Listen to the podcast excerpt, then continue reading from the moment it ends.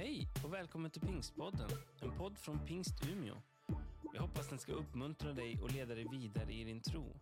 För att få mer information om Pingst Umeå och allt som händer i kyrkan, gå in på umia.pingst.se eller följ oss på Instagram och Facebook, at pingstumia.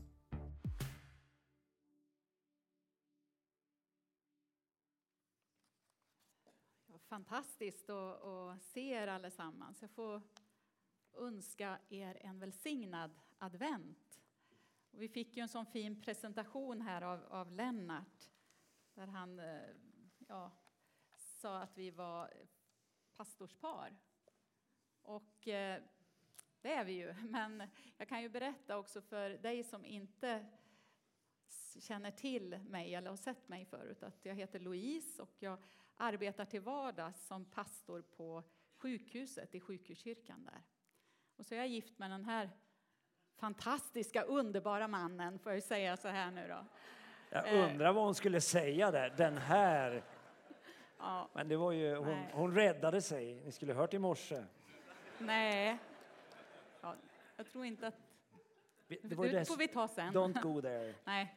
Eh, men sen 35 år tillbaka så, så är vi gifta och har eh, ja, men stått i, i en sån här tjänst under egentligen hela den tiden. Mm. På olika platser. Och sen, ja, vad ska vi säga nu då? Det är ju, vi har ju lite olika tidsperspektiv. Jag kom, flyttade hit för drygt ett år sedan, ett och ett halvt år sedan snart. Och du lite tidigare, ett år tidigare, elva månader. Så är det. Så är det. Mm. Ska vi be en bön som vi samlar ihop? Vi börjar med det. Ja. Gud, jag vill tacka dig för att vi får fira advent igen. Tända det första ljuset, förbereda oss mm. för att fira jul och påminna oss om din stora ankomst till mänskligheten och vår jord. Nu beder vi om välsignelse över det vi ska dela med varandra och vi ber för våra hjärtan att det må bli till god jord för ditt eget ord. Att vi kan tro och ta emot i Jesu namn. Amen. Första söndagen i advent är det den här söndagen. Och det är faktiskt starten på ett nytt år. Om man tittar på, på kyrkoåret så är det början på ett nytt år. Och temat för, för den här söndagen i kyrkoåret det är ett nådens år. Och jag tycker det är så fantastiskt att vi får börja ett nytt år som ett nådens år och ha med oss det hela året. Och det var ju egentligen igår som vi gick ur det förra nådens år och så startar det om igen. Ett nytt nådens år, nåden som aldrig tar slut. Och nu flyttar vi tillbaka till den här texten som Mattias, var det så han hette? Mikael som han läste så fantastiskt. Och så tänker vi att vi är där. När Jesus han är på väg att rida in i Jerusalem. Och för folket som fanns där, de hade ju läst skrifterna, de kände igen eller de kände till det.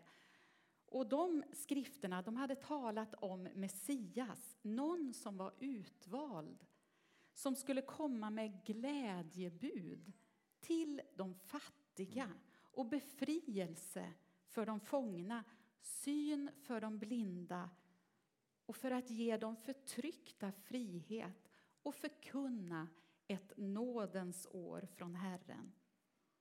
Någon som skulle upprätta ett nytt och rättvisare rike. Ett rike efter Guds tanke. Folket de väntade att Messias skulle komma och upprätta det här riket. Och det fanns förväntningar på hur det skulle se ut och hur det skulle bli. Och så kommer Jesus och så säger han Guds rike, det kommer inte på ett sådant sätt att man utan vidare kan se det. Nej, Guds rike är redan här inom er. Guds rike det är inte som ett jordiskt rike med de här geografiska länderna. Du vet, våran världskarta den ritar ju om sig flera gånger under historien. Men Guds rike är inte på det sättet. Guds rike det består istället av att Guds ande bor i människor. Och inte bara som isolerade öar, utan Guds ande bor i människor och håller dem samman i en gemenskap. Och i det riket så regerar en kung. Och han beskrivs i profetorden i Sakarja som en konung, lyssna nu, som kommer till dig. En konung som kommer till dig. Rättfärdig är han. Seger är honom given. I ringhet kommer han, ridande på en åsna. Det hörde vi i texten. På en ung åsnehingst. Krigets vapen skall förintas. Han skall förkunna fred för folken. Mm. Jesu väg mot Jerusalem är kantad av under och tecken. Till Jesus kommer de sjuka och han förbarmar sig och botar de sjuka. Till Jesus kommer de hungriga och han mättar inte bara kroppens behov av föda. Han släcker den där inre törsten efter renhet, rättfärdighet och frid och gemenskap med Gud. Till och med gravarna måste ge igen de döda. Äntligen, tror jag att lärjungarna tänkte när Jesus red in i Jerusalem, liksom steg ut i det offentliga rummet. Äntligen måste väl hela mänskligheten förstå att det här är inte bara en snickare. Det är något mer med Jesus. Johannes döparen hade rätt när han pekade på honom.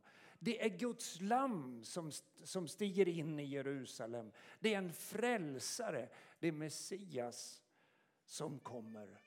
Nu måste de väl ändå tro och ta emot. Nu måste väl staden öppna sitt hjärta. Men hur tas då Jesus emot när han rider in i Jerusalem då, på den tiden? Men också, hur tar vi emot honom idag? Gör vi som barnen, som tar emot, de är öppna, intresserade, kanske utan förutfattade mening, meningar? Eller är vi mer tveksamma, ifrågasättande och kanske skeptiska som eh, de skriftlärda och fariseerna? Eller är vi kanske som de där utsatta, de som kom blinda och haltande, förlamade som kom till Jesus med förväntan att han ska gripa in. Mm. Det är ju olika hur vi väljer att förhålla oss till, till Jesus. Vi kan ta nästa bild. Jag vet inte om min funkar. Du får bläddra. Man kan ju tänka att man tar emot Jesus som ett barn. På mitt kontor i, i kyrkan, vi kan ta nästa bild, så har jag en bild på mig själv. Jag ska inte visa den. Nu förstår jag att en och annan tänker eh, det skulle ju vara roligt att se. Jag har en bild på mig själv när jag är ett år gammal. Eh, och jag, jag, har den av några olika skäl. Dels därför att jag tänker att jag behöver ha en daglig påminnelse om att även jag har varit ett barn. Eh, det, det, är lätt att glömma det när åren går och man tänker att man har blivit så mogen och gråhårig som jag har blivit med åren. Utan eh, det är bra att påminna sig om det. Även, även du, även jag har varit ett barn. Men sen är det ju också en dörröppnare när någon sätter sig i, i stolen mitt emot och, och tittar. Och de undrar vem den där lilla söta killen är som hänger på väggen. Det är ganska kul faktiskt. För lockig och glad var jag när jag var ett år gammal. Oskuldsfull, utan, utan skuld, utan skam. Väldigt öppen och nyfiken. Jag tänkte faktiskt på det när jag tog Adams lilla flicka i famnen. Vad är det hon heter? Jon. Joni var det. Hon sitter där nere med sin mamma. Eh, eller som häromveckan när vi faktiskt hade förmånen att vara barnvakter till en liten halvåring. Det var hur spännande som helst. Det här lilla barnet vågade lita på två på ett sätt främmande vuxna som bara är grannar. Barnen har ju någonting som vi vuxna behöver ha en relation till. Både i mötet med varandra, men också i mötet med Gud. Jag vet inte vad du tänker på, men, men den där öppenheten den är så betydelsefull när man ska bygga en Guds relation. Att närma sig Gud som ett barn närmar sig sina föräldrar med, med den öppna famnen, med gråten eller leendet utan rädsla för att bli fördömd eller förvisad. Det är något vackert, något underbart, något värt att, att värna. Och man kan ju fundera på varför, varför barn har det där. Det är klart att man, man har ju inte varit med om livet. Det är ingen ännu som har trampat på hjärtat. Ännu har man inte varit med om det första sveket. Ännu har man inte själv gjort de stora misstagen som man ju har fått dåligt samvete för. Man har liksom ingenting med sig. Man är utan skuld och utan skam. Det är klart barnen välkomnade Jesus. De tänkte, han är på våran sida. Han tycker om oss. De hade ju redan varit där ju. De hade ju varit i, mm. i hans famn. Och han hade välsignat dem. Kanske var det några av de barnen vid det här tillfället som faktiskt hade suttit i Jesu knä som föräldrarna hade kommit till honom med och han, Jesus la sina händer på dem. Men det fanns ju också andra där i berättelsen som vi lyssnade till. Det var de som var tveksamma, de här som är kanske lite skeptiska, som vi inte egentligen vill identifiera oss med, utan vi lägger det gärna att vi tänker att ja, men det var de skriftlärda. Det var... Men om man tittar på Matteus, Markus och Lukas, alla tre beskriver att de här tveksamma eller skeptikerna, de blev förargade när de såg allt det märkliga Jesus gjorde och hörde hur barnen ropade i templet, Hosianna, Davids son. De blev till och med förargade och irriterade på barnen. Det blev, blir väl aldrig vi, eller? Nej. Eh, Matteus, han, han skriver, eller eh, Markus, han skriver de sökte efter ett sätt att röja honom ur vägen. Och så skriver de någonting, eller berättar mer, att de var rädda för honom. Det mm. fanns en rädsla för Jesus och för det som hände. Och också för att man såg att människorna var överväldigade av hans undervisning. Och Lukas, han skriver där att de visste inte hur de skulle göra. Att det blev någon slags ovisshet mitt i alltihop. Och där tänker jag att där kan vi nog känna igen oss i de här känslorna. Egentligen är det ju inte så konstigt att eh, man blir skeptisk ibland. Eh, livet lär oss ju i mötet med andra människor att vi människor är inte alltid att lita på. Därför, när man blir eh, äldre, när man växer upp, så blir man ju lite försiktig i mötet med nya människor. Eh, man, vi vet att man kan inte alltid lägga hela sitt vuxna livs förtroende i en annan människas famn. För den som är på andra sidan kanske inte orkar bära.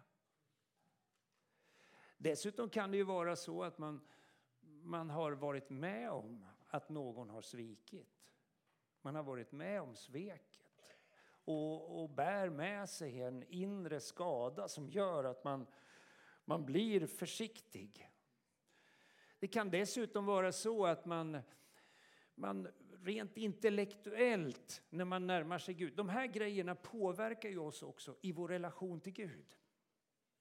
Jag tänkte faktiskt på det igår när vi, när vi en, eh, en liten grupp i en alfa-avslutning satte oss i en ring och vi, vi gav utrymme för den som ville att få förbön.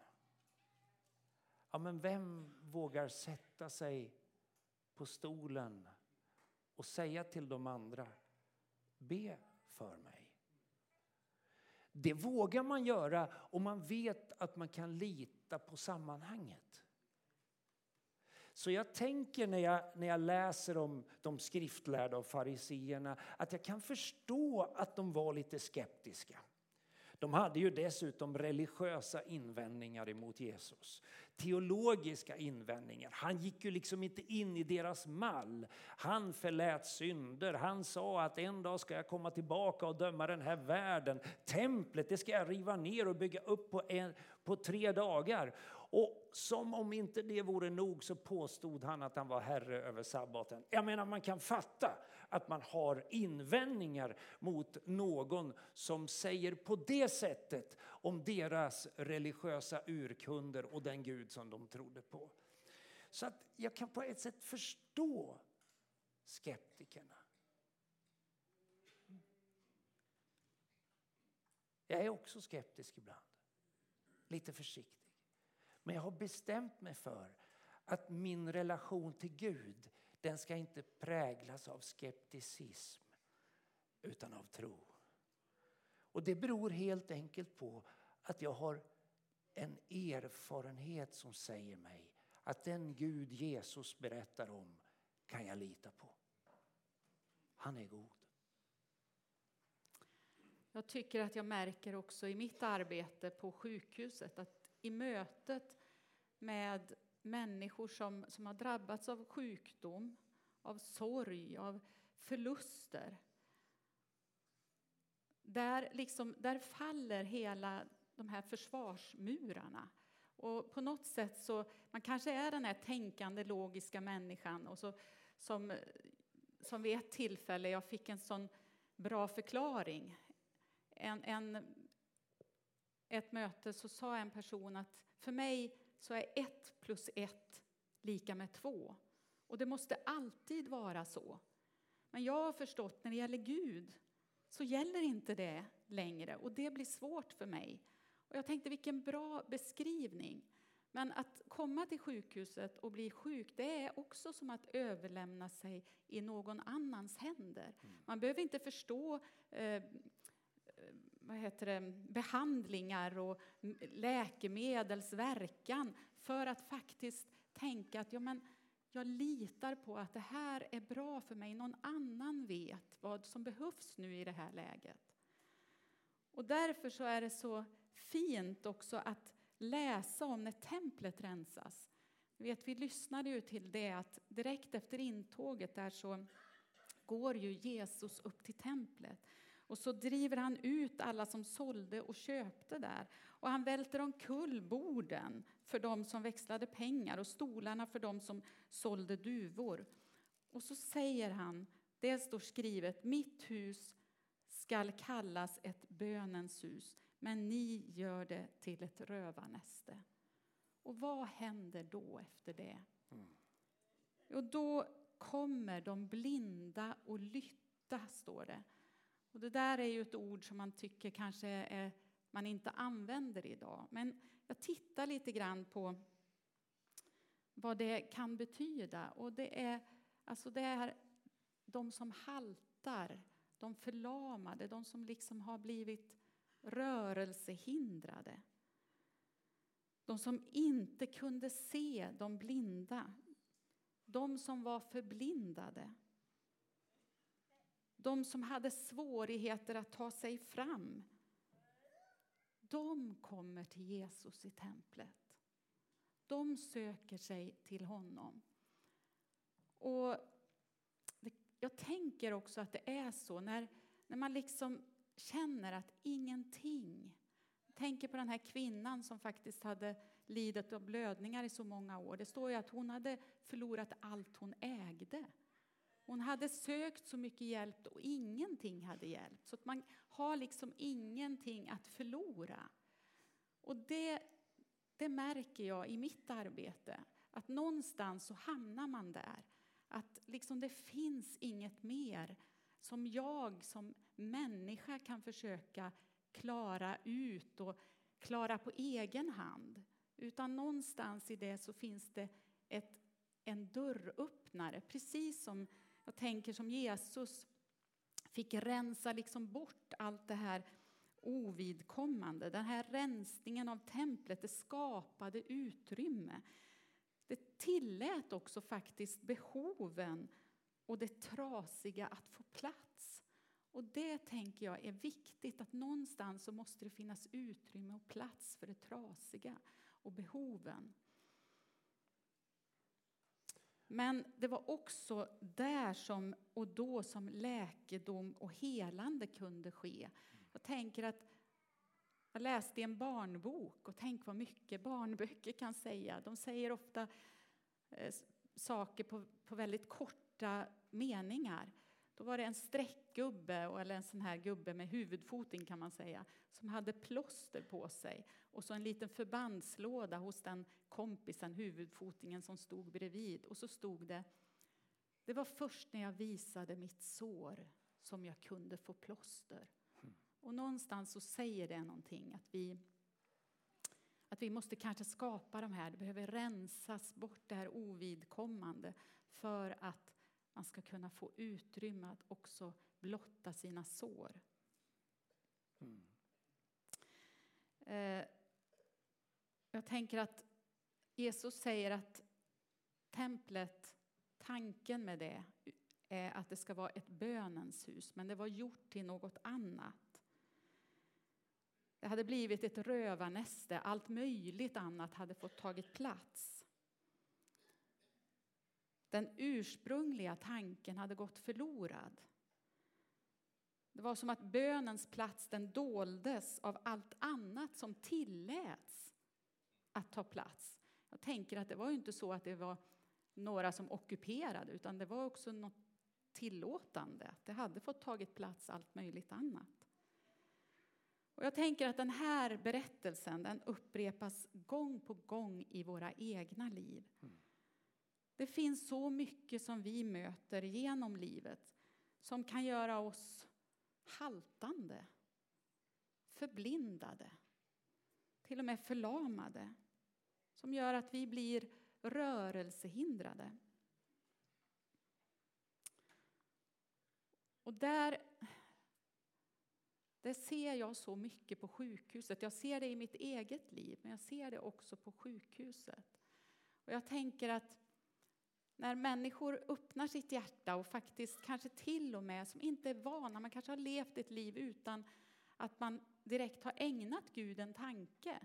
Och så hamnar man i situationer där man helt plötsligt vänder sig till någon, någon som man förstår har möjlighet att göra det man själv inte förmår.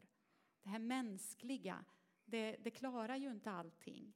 Och även om läkare är duktiga så finns det saker inom vården som inte heller räcker till. Och det där, där är så fint också att det är inskrivet att där så behöver man också tänka att den andliga vården behövs. Och där kan det få vara saker som man får låna ord, man får tända ett ljus, man får kanske läsa en psalm eller sjunga en psalm. Och vid ett tillfälle så märkte jag så tydligt att de anhöriga frågade och säger nu, nu ändrar jag berättelser här så att det, det är inte säkert att det är pappa när jag säger pappa, men bara så att, ni, att jag kan säga detta. Att man, man säger då att ja, men pappa, jag tror att pappa behöver det här. Så kom, vi fira nattvard det, ja, och, och sjung en psalm. Och där när vi stod runt den här dödsbädden kan jag säga. Det, det var kanske bara timmar kvar. Och vi sjöng Bred dina vida vingar och Jesus över mig. Då står anhöriga runt omkring och kanske har uttryckt att jag, det, det här är ju inte, men, men för pappas skull. Och så ser jag hur tårarna bara rinner, att det gör, de här orden gör någonting. De här skrivna bönerna, det rör vid hjärtat. Och någonstans så är hindret borta för att Gud ska kunna verka. Så det kanske, var, det kanske inte var så konstigt att Jesus rensade templet. Mm. Han skapade möjligheten för den mest utsatta, den sårade, att komma nära, för det trasiga att komma nära mm. den som kunde läka. Mm. Jag tänker det finns någon slags dubbelhet. Se, din konung kommer till dig. Det är att Gud kommer till oss. Men det finns också en, i berättelsen att, att människor kom till Jesus, mm. sökte sig till Jesus. Så för att summera det här och vända mig eller vända oss till dig så, men vi tänker bara. Låt oss lära av berättelsen. Bejaka barnet i ditt liv. Dölj inte din inre längtan. Våga vara som ett barn när du närmar dig Jesus Kristus. Jesus säger den som tar emot, den som vill komma in i Guds rike, han ska bli som ett barn. Det ligger någonting trösterikt i det också. För då behöver man ju inte klara av allting som man kan tänka att man behöver klara om man ska leva ett kristet liv. Kan barnen klara det, då kan ju du det också. Jag tänker också att det ligger någonting i det du talade så fint om. Att våga visa sina sår. Jag, jag blir påmind om det när du står där och, och, och, delar de här stora dramatiska sakerna. Jag var faktiskt till läkaren för, för någon vecka sedan och visade ett litet märke i min panna som en och annan har sett. Och jag tänkte jag måste kolla vad det är för någonting. Och då när jag ändå var där så, så ja men jag tog av mig tröjan och visade ryggen och rätt som det var så stod jag i bara kalsongerna. Ja, jag förstår att en och annan får en inre bild nu. Men poängen är enkel. Den är mycket enkel. Där står den vuxna, vita, medelålders mannen och visar sin svaghet. Och jag tänker att starkare än så vill inte jag vara, än att jag kan visa mina sår. Eh, men det här bygger ju också på att jag litar på den jag vänder mig till. Ni förstår ju att vi, vi litar på varandra. Vi har varit gifta så många år så jag vet ungefär vad Louise kommer att svara när jag frågar, men jag frågar ändå. Jag berättar om mitt liv, jag döljer ingenting. Jag vågar till och med berätta om mina frestelser.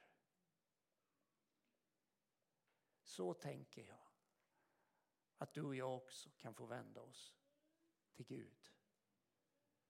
Liksom ta av det där utanpå verket, det där som har fyllt vårt inre liv. Liksom, ta av det och bara våga tro och tillbe. Barnen de vågade det. De tog emot Jesus och trodde. De sjöng tillsammans med lärjungarna som ju förstås var stolta och glada när han intog Jerusalem. Men det var också de halta de lytta, halta och lytta, de blinda som vågade. Men jag tänker också att en och annan skeptiker mm. vände om. Jag har en viss känsla av att en och annan skeptiker finns i rummet här idag. Kanske det är dags att vända om en dag som denna. När din bänkrad reser sig upp för att gå fram och ta emot bröd och vin. Kanske du också skulle resa dig upp och tänka, nu går jag fram. Nu går jag fram för att bekänna min tro på Jesus Kristus som världens frälsare. Jag vill ta emot brödet ifrån himlen. Jag vill att blodet från Jesus Kristus ska skölja igenom mitt hjärtas tempel så att det trasiga kan få möta helbrägdagöraren.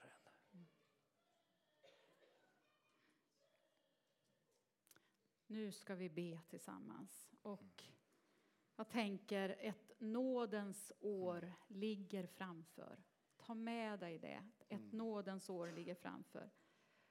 Och se en konung kommer till dig. Min bön är att vi ska våga välkomna honom och ta emot honom. Och att han ska få rida in i våra liv, i våra hjärtan. Kanske rensa upp det som behöver rensas och frigöra utrymme Mm. Tack Jesus. för att vi ska kunna komma med våra verkliga behov. Det vårt, vi behöver, våra sår, det som behöver läkas. Och kanske få synen tillbaka, att kunna se klart igen, den här andliga klarsyntheten.